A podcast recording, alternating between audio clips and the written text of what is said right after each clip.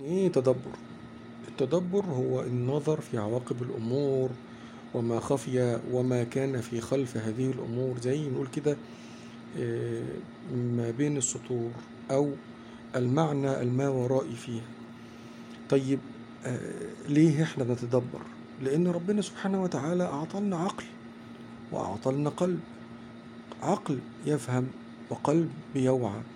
وده اللي يميزه ربنا سبحانه وتعالى به الإنسان عن غيره. فلما يكون في عندنا معارف وأدوات ومعلومات لازم نستغلها على قدر الإمكان وعلى قدر ما من الله سبحانه وتعالى به علينا من مواهب ومنح عشان نفهم الأمور اللي حوالينا والمعلومات اللي حوالينا. كل العلوم اللي بنستقيها والأفعال اللي بنشوفها والأحوال اللي حوالينا نحاول إن إحنا على قدر جهدنا نفهمها ونعرفها. خصوصا القرآن الكريم لأن القرآن الكريم هو الرسالة القرآنية التي أرسلها الله سبحانه وتعالى لنا. ولم يرسلها لنا كده كعموم لأ ده أرسلها لكل واحد فينا. فالرسالة القرآنية أرسلها الله عز وجل لك أنت بعينك. فلما نتدبر القرآن ونفهمه علشان خاطر نفهم رسالة الله عز وجل إلينا ورسالة الله عز وجل إلى الناس.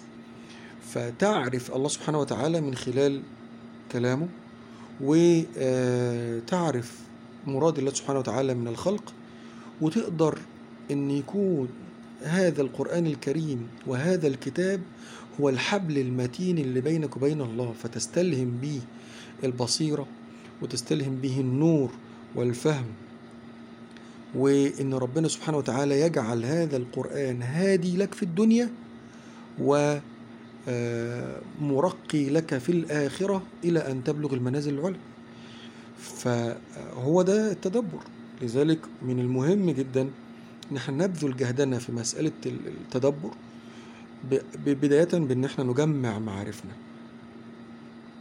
حول ما نعرف حول كل حصيلة المعلوماتية اللي حصلناها في الدنيا سواء المعلومات العامة أو المعلومات حول الدينية وغيره علشان نبدأ صفحة جديدة مع كتاب الله نبدأ حياة جديدة نعيش فعلا الحياة الحقيقية مع كتاب الله سبحانه وتعالى اللي فعلا هتحس بنقلة جديدة في حياتك وتحس باختلاف كبير جدا جدا ما بين ما كنت عايشه قبل كده وما بين ما هتعيشه. كل حاجة هتلاقيها منورة كل حاجة هتشوفها بوضوح. لما تتعامل مع كتاب الله سبحانه وتعالى النظم التام والكلام الكامل والهدي الواضح والقول السديد من الله سبحانه وتعالى. أسأل الله سبحانه وتعالى أن يعلمنا وإياكم ما ينفعنا وأن يرزقنا وإياكم العلم النافع والعمل الصالح وأن يجعلنا من الذين يستمعون القول فيتبعون أحسنه.